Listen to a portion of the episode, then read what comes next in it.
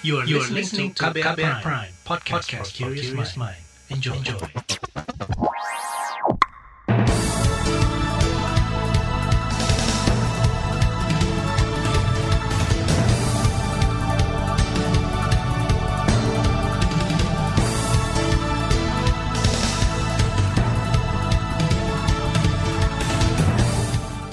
Selamat pagi saudara, senang sekali kami bisa menjumpai Anda kembali melalui program Buletin Pagi edisi Selasa 25 Oktober 2022. Bersama saya Naomi Liandra. Sejumlah informasi pilihan telah kami siapkan, di antaranya pemerintah didesak tetapkan status KLB penyakit ginjal akut. PDIP berikan sanksi teguran lisan ke Ganjar Pranowo. KPK akan periksa Gubernur Papua Lukas NMB di Papua. Inilah Buletin Pagi selengkapnya terbaru di Buletin Pagi. Saudara Presiden Joko Widodo kemarin memanggil beberapa menteri ke Istana Kepresidenan Bogor, Jawa Barat terkait kasus penyakit ginjal akut pada anak. Hingga kemarin kasus penyakit ginjal akut tercatat 245 orang dengan 141 orang meninggal. Presiden Jokowi tidak menyinggung status kejadian luar biasa atau KLB. Jokowi menginstruksikan penghentian peredaran obat sirup yang diduga menyebabkan penyakit ginjal akut, menyiapkan pelayanan kesehatan dan juga juga pengadaan obat-obatannya. Uji klinis harus dilakukan, laboratorium uh, seluler pada uh, organ ginjal yang terdampak juga betul-betul uh, dilihat betul sehingga kita bisa memastikan apa yang menjadi penyebab dari gagal ginjal terutama pada anak. Dan juga yang keempat siapkan pelayanan kesehatan untuk masalah ini.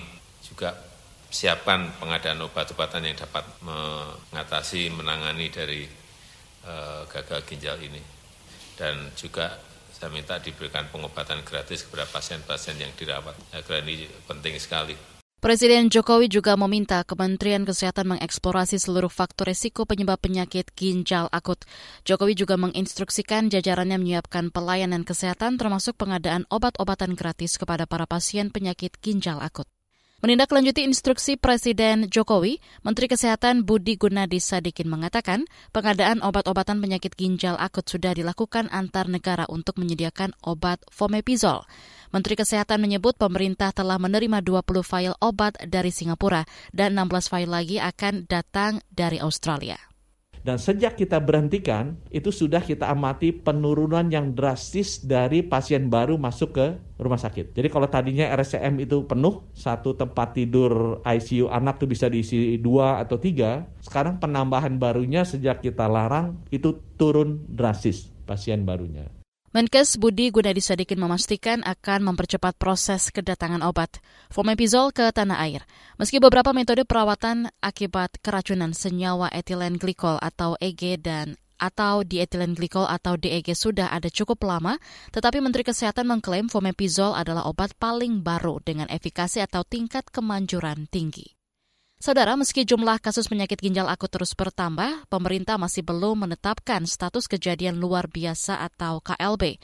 Menurut Menko Pembangunan Manusia dan Kebudayaan Muhajir Effendi, saat ini kasus penyakit ginjal akut tidak perlu dinaikkan statusnya menjadi KLB karena saat ini kasusnya semakin terkendali. Saya kira sekarang sudah bisa terus sudah relatif terkendali ya Pak Renhat okay. karena setelah kita larang beredarnya obat-obat sirup eh, empat hari terakhir ini dua hari pertama itu kasusnya turun drastis. Per harinya hanya tiga. Dan kemudian hari ini hari ketiga dan keempat ini sudah tidak ada kasus lagi. Jadi nol kasus untuk hari eh, untuk kemarin dan kemarin dan sebelumnya itu sudah nol. Saya tidak tahu data hari ini Menko PMK Muhajir Effendi menuturkan langkah pemerintah menghentikan sementara peredaran obat sirup dan mendatangkan obat fomepizol sebagai penawar racun menjadi solusi cepat penanganan penyakit ginjal akut. Kalangan DPR mendorong pemerintah segera menetapkan status kejadian luar biasa KLB penyakit ginjal akut. Anggota Komisi Kesehatan DPR Neti Prasetyani mengatakan penetapan KLB mendesak karena jumlah kasus terus bertambah dengan tingkat kematian yang sudah lebih dari 50 persen. Neti juga mendesak pembentukan tim gabungan independen untuk menuntut tanggung jawab pihak-pihak yang lalai terkait penyakit ginjal akut. Membentuk tim gabungan independen pencari fakta baru setelah itu bisa ditentukan gitu ya. Uh, apakah kelalaian apakah ini uh, kesengajaan apakah kelalaiannya pada pihak-pihak tertentu? Katakanlah hari ini kita sebenarnya punya badan pom yang bertugas melakukan pengawasan ya pengawasan. Baik pre-market ya sebelum diedarkan maupun post-market ya setelah diedarkan. Nah itu baru ketahuan jika uh, kita sudah punya evidence base mbak gitu yang dilakukannya dengan tahapan yang saintifik. Anggota Komisi Kesehatan DPR Neti Prasetyani mengingatkan penetapan status KLB akan mempercepat penanganan penyakit ginjal akut. Sementara itu desakan menetapkan kasus uh, status KLB juga disampaikan anggota Dewan Pakar Ikatan Ahli Kesehatan Masyarakat Indonesia IAKMI, Hermawan Saputra. Menurutnya situasi kasus penyikat, penyakit ginjal akut sudah pada tahap serius. Karena KLB harus segera dinaikkan, maka itu menjadi perhatian pemerintah kesungguh-sungguhan dalam melakukan evaluasi, mulai dari penyelidikan yang sistematis, mendalam, dan komprehensif, tetapi yang paling pokok adalah evaluasi peran dari Bepom dan juga Kemenkes agar ini tidak uh, menimbulkan permasalahan yang lebih uh, buruk lagi di kemudian hari.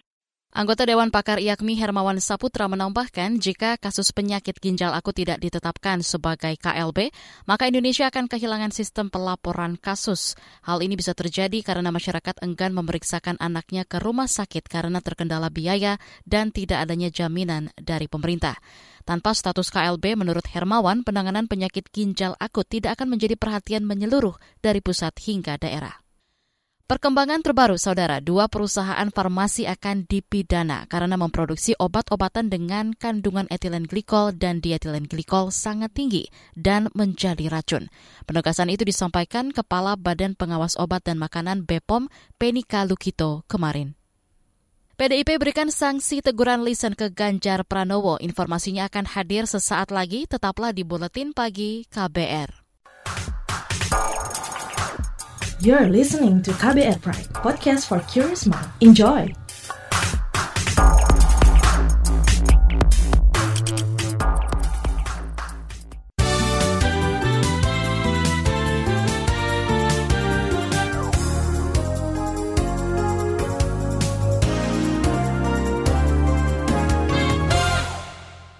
Anda sedang mendengarkan buletin pagi KBR.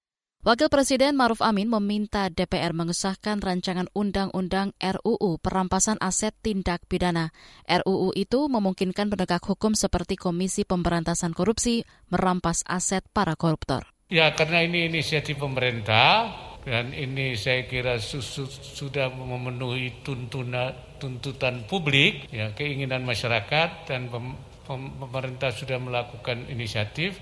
Kita harapkan DPR segera merespon dan membahas supaya bisa menjadi undang-undang.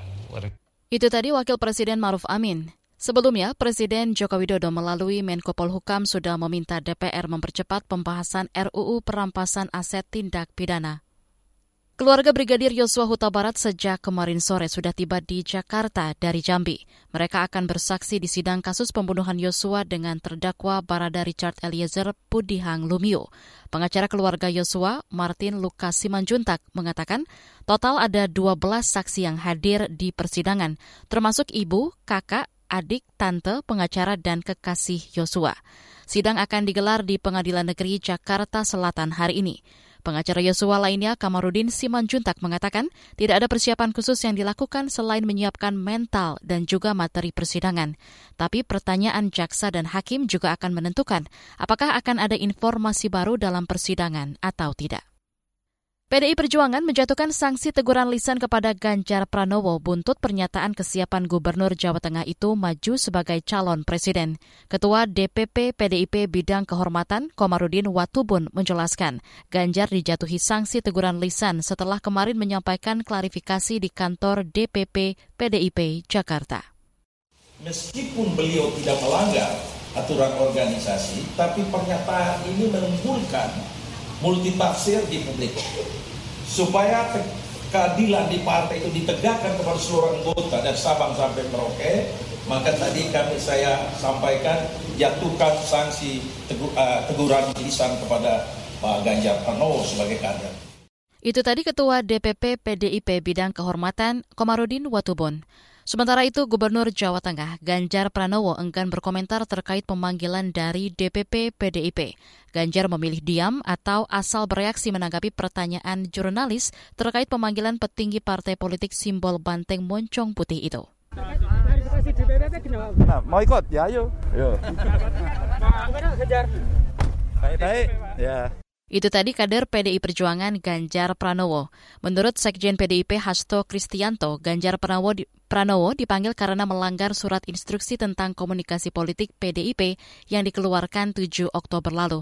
Hasto mengingatkan pilihan capres dan cawapres adalah hak prerogatif Ketua Umum Megawati Soekarno Putri. Kita beralih ke informasi lain. Presiden Joko Widodo mengaku gembira akan peningkatan capaian kerjasama ekonomi dan perdagangan dengan Palestina.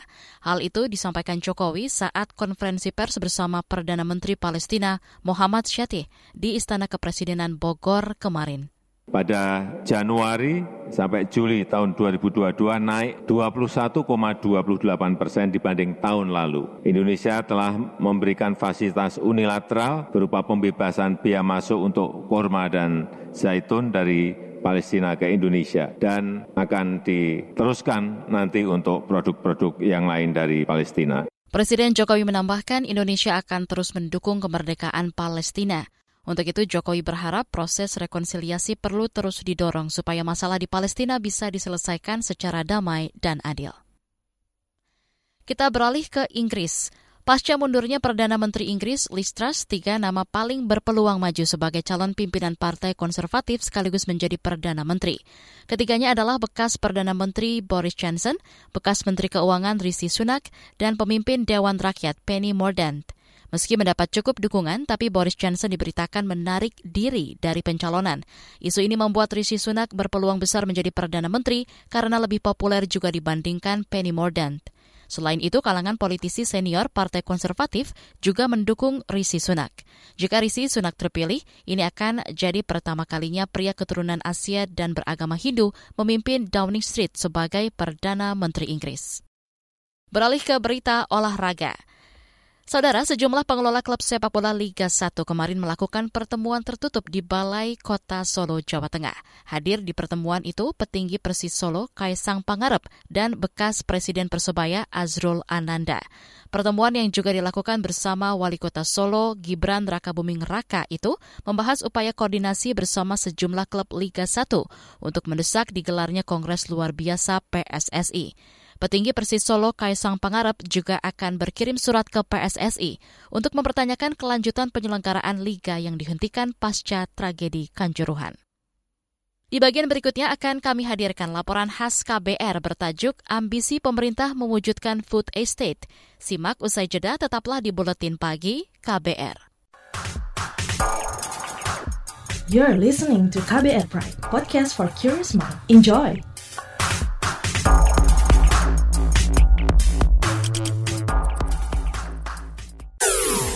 Commercial break. Anda sering gelisah, tidak bisa tidur nyenyak, selalu merasa ada yang merasuki pikiran Anda. Ini bukan iklan horor atau cerita seram, tapi kalau Anda mengalami hal seperti itu, Anda pasti ketinggalan berita terupdate yang lagi ramai diperbincangkan. Gak mau kan dibilang ketinggalan berita?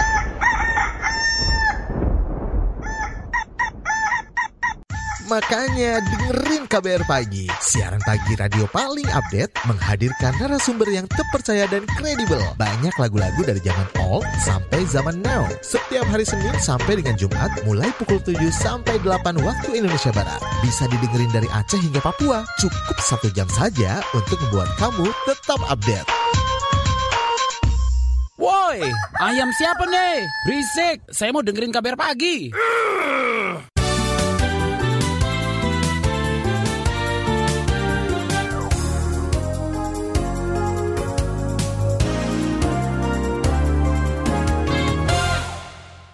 Anda masih bersama kami di Buletin Pagi KBR. Pemerintah mengalokasikan anggaran triliunan rupiah untuk membangun food estate atau lumbung pangan di berbagai daerah. Ribuan hektar lahan disiapkan untuk mega proyek ini dari Sumatera Utara hingga Papua. Bagaimana realisasinya? Berikut laporan khas KBR yang disusun Agus Lukman. Selama memimpin negeri dua periode, Presiden Joko Widodo terus ngotot membangun food estate atau lumbung pangan. Meski proyek serupa gagal di masa pemerintahan Soeharto dan Susilo Bambang Yudhoyono, Presiden Joko Widodo tetap jalan terus dengan rencananya. Program Food Estate merupakan salah satu program strategis nasional tahun 2020 hingga 2024, yaitu membangun lumbung pangan nasional di lahan seluas 165 ribu hektar. Tujuannya untuk mengatasi krisis pangan dan mengurangi ketergantungan dari pangan impor. Proyek food estate ini dibangun di Sumatera, Kalimantan, Sulawesi, Jawa, NTT, hingga Papua. Tanamannya bermacam-macam. Di Sumatera Utara, lumbung pangan berbasis padi, singkong, hingga hortikultura. Di Kalimantan Tengah, food estate fokus pada tanaman singkong. Di Gresik, Jawa Timur, lumbung pangan berbasis tanaman manga. Sedangkan di Belu, Nusa Tenggara Timur, lumbung pangan berbasis jagung. Saat membuka lahan food estate di NTT, Presiden Joko Widodo mengatakan akan terus memperluas lahan lumbung pangan ke daerah lain meski ada tantangan alam. Dari sinilah nanti kita akan perluas sampai seluas 500 hektar. Kalau itu nanti berhasil dan produksinya bagus, kita akan melompat ke daerah yang lain yang juga ada lahan datar seperti ini seluas 15.000 hektar. Sementara itu, Menteri Koordinator Bidang Perekonomian Erlangga Hartarto menyebut program lumbung pangan juga akan terus didorong hingga ke Merauke dan Kerom, Papua. Menurut Erlangga, saat ini Kementerian Pertanian yang berada di bawah koordinasinya terus menjalankan program itu agar berhasil. Nah ini yang sudah dikembangkan oleh Kementerian Pertanian itu sekitar 60 eh, sekitar 60 ribuan, di mana tahun 2020 itu 30 ribu hektar, kemudian di tahun 2021 itu 14 ribu hektar, dan kemudian ada ekstensifikasi sebanyak 16 ribu hektar. Namun pelaksanaan proyek lumbung pangan pemerintah terus mendapat kritikan dari DPR. Komisi DPR bidang pertanian menganggap proyek itu belum memberikan hasil yang besar dalam ketahanan pangan di dalam negeri. Anggota Komisi Pertanian DPR Selamat mengatakan anggaran yang digelontorkan oleh pemerintah untuk program lumbung pangan ini tidak sepadan dengan produksi komoditas yang dihasilkan. Lagi-lagi terkait dengan food estate yang masih dianggarkan di 2023. Menurut pengamatan dari teman-teman kita yang dapilnya ada food estate, kemudian hasil kunjungan kita sekaligus juga ada informasi dari Satgas Pangan bahwa food estate ini tidak memberikan korelasi yang positif antara anggaran yang keluar dengan target target-target yang ditentukan. Anggota Komisi Pertanian DPR dari fraksi PKS Selamat menambahkan, perlu ada evaluasi mendalam terhadap program food estate. Selamat mengatakan fraksinya bakal mengusulkan pembentukan tim panitia kerja atau panja untuk menyelidiki permasalahan yang ada di dalam program tersebut. Sementara itu, masyarakat di wilayah yang dibangun lumbung pangan berharap proyek itu tidak mengabaikan hak-hak mereka. Keinginan itu disampaikan masyarakat adat di Kabupaten Kerom, Papua yang masuk dalam program Food Estate Nasional. Sekretaris Dewan Adat Kerom, Raymond Mai, mengatakan masyarakat adat mendukung program Food Estate, asalkan tidak merugikan warga dan hak-hak mereka dalam memanfaatkan lahan tidak diabaikan. Dewan Adat akan mengkoordinasi dengan tujuh suku yang ada, terlebih khusus yang mempunyai hak kepemilikan, tentang hak-hak dan lain sebagainya itu nanti dibicarakan. Pada prinsipnya tetap mendukung apa merugikan masyarakat paling tidak, ada semacam plasma-plasma yang terlebih khusus masyarakat yang mempunyai tanah adat itu mungkin bisa diberikan plasma-plasma untuk mereka kelola itu. Food estate di Kerom akan berbasis tanaman jagung. Pemerintah kabupaten setempat telah menyiapkan sekitar 20 ribu hektar lahan untuk program itu. Laporan ini disusun Agus Lukman. Saya Fitri Anggreni. Saudara, informasi dari berbagai daerah akan hadir usai jeda. Tetaplah bersama Buletin Pagi KBR. You're listening to KBR Pride, podcast for curious mind. Enjoy!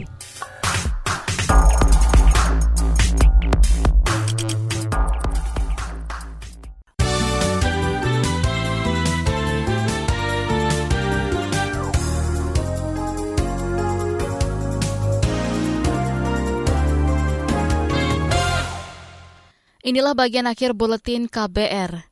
Seluruh pemerintah daerah diminta memprioritaskan upaya pengendalian inflasi. Menurut Menteri Dalam Negeri Tito Karnavian, angka inflasi nasional dapat dikendalikan jika pemerintah daerah berkontribusi baik. Tolonglah masalah inflasi ini betul-betul menjadi prioritas bagi kita semua, bukan hanya berdampak kepada pemerintah nasional, tapi juga kepada pemerintahan daerah. Karena para kepala daerah akan teruji, karena kalau ada kekurangan apa-apa, kenaikan harga apa, bukan hanya pemerintah pusat, tapi pemerintah daerah yang nanti akan banyak ditanyakan juga. Leadership tiap-tiap rekan-rekan gubernur, bupati, wali kota. Mendagri Tito Karnavian mengungkapkan inflasi Indonesia lebih landai dibandingkan negara tetangga, tetangga lain seperti Singapura. Namun bukan berarti Indonesia bisa lengah dengan perkembangannya ke depan. Saat ini inflasi nasional sebesar 5,95 persen. Saudara, korban meninggal tragedi Kanjuruhan Malang, Jawa Timur kemarin bertambah menjadi 135 orang. Dokter spesialis anestesi dan terapi intensif ICU Rumah Sakit Saiful Anwar M. Akbar Sidik menjelaskan, korban terakhir bernama Farza Dwi Kurniawan Jovanda. Farza dirawat selama 23 hari dengan kondisi kritis. Penyebab kematiannya bukan karena uh, COVID-nya itu sendiri, bukan karena swab positifnya itu, tapi karena memang uh, kondisi trauma multiplenya itu yang sudah memberatkan kondisi pasiennya, seperti itu mungkin. Waktu awal datang ke RSSA memang kondisinya sudah kritis, sudah berat. Luka-lukanya itu tadi yang saya katakan ada cedera di kepala, dan cedera di uh, dada, cedera di paru-paru, dan di perut juga ada uh, cedera. Rumah sakit Saiful Anwar Malang masih merawat tiga pasien tragedi Kanjuruhan. Sementara itu Polda Jawa Timur kemarin menahan Ketua Panitia Penyelenggara Arema FC Abdul Haris.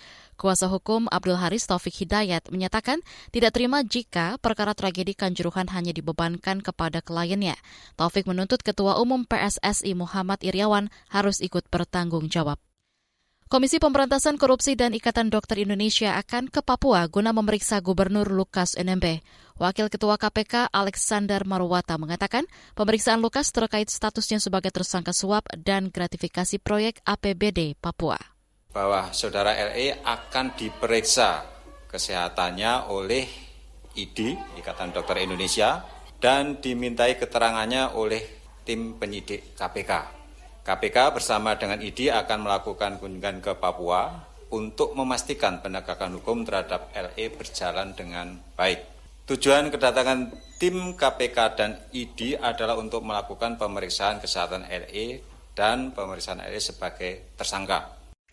Wakil Ketua KPK Alexander Marwata menambahkan kedatangan KPK dan ID sudah sesuai aturan hukum acara pidana serta bukan untuk melakukan jemput paksa Lukas NMB. Hasil pemeriksaan kesehatan itu akan menentukan tindak lanjut KPK ke depan. Sebelumnya, Lukas dua kali mangkir dari panggilan KPK dengan alasan sakit. Masyarakat adat akan dilibatkan dalam pembahasan gagasan dialog damai guna menyelesaikan konflik di Papua.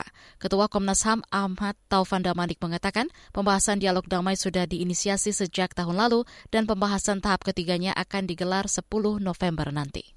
Khusus untuk Papua, Komnas HAM sejak tahun lalu menginisiasi apa yang kami sebut sebagai dialog damai. Dan kami janji mungkin setelah itu kita akan melibatkan masyarakat adat untuk ikut bersama-sama memikirkan tentang perdamaian di Papua. Ketua Komnas HAM Ahmad Taufan Damanik mengatakan gagasan dialog damai menjadi pilihan untuk dilaksanakan karena dinilai bermartabat menyelesaikan kekerasan di Papua. Gagasan dialog damai juga didukung tokoh masyarakat, aparatur pemerintah, dan kelompok bersenjata yang tersembunyi di hutan. Tiga saksi pelanggaran HAM berat Paniai tidak hadir sidang lanjutan di Pengadilan Negeri Makassar, Sulawesi Selatan kemarin karena mendapat ancaman. Tiga saksi itu berasal dari kalangan sipil. Hakim Ketua Sutisna Sawati mengatakan tiga saksi sipil diketahui menerima pesan ancaman teror. Informasi tadi menutup jumpa kita di Buletin Pagi hari ini. Pantau juga informasi terbaru melalui kabar baru, situs kbr.id, Twitter kami di akun @beritaKBR, serta podcast di alamat kbrprime.id. Akhirnya saya, Naomi Liandra, bersama tim yang bertugas undur diri. Salam.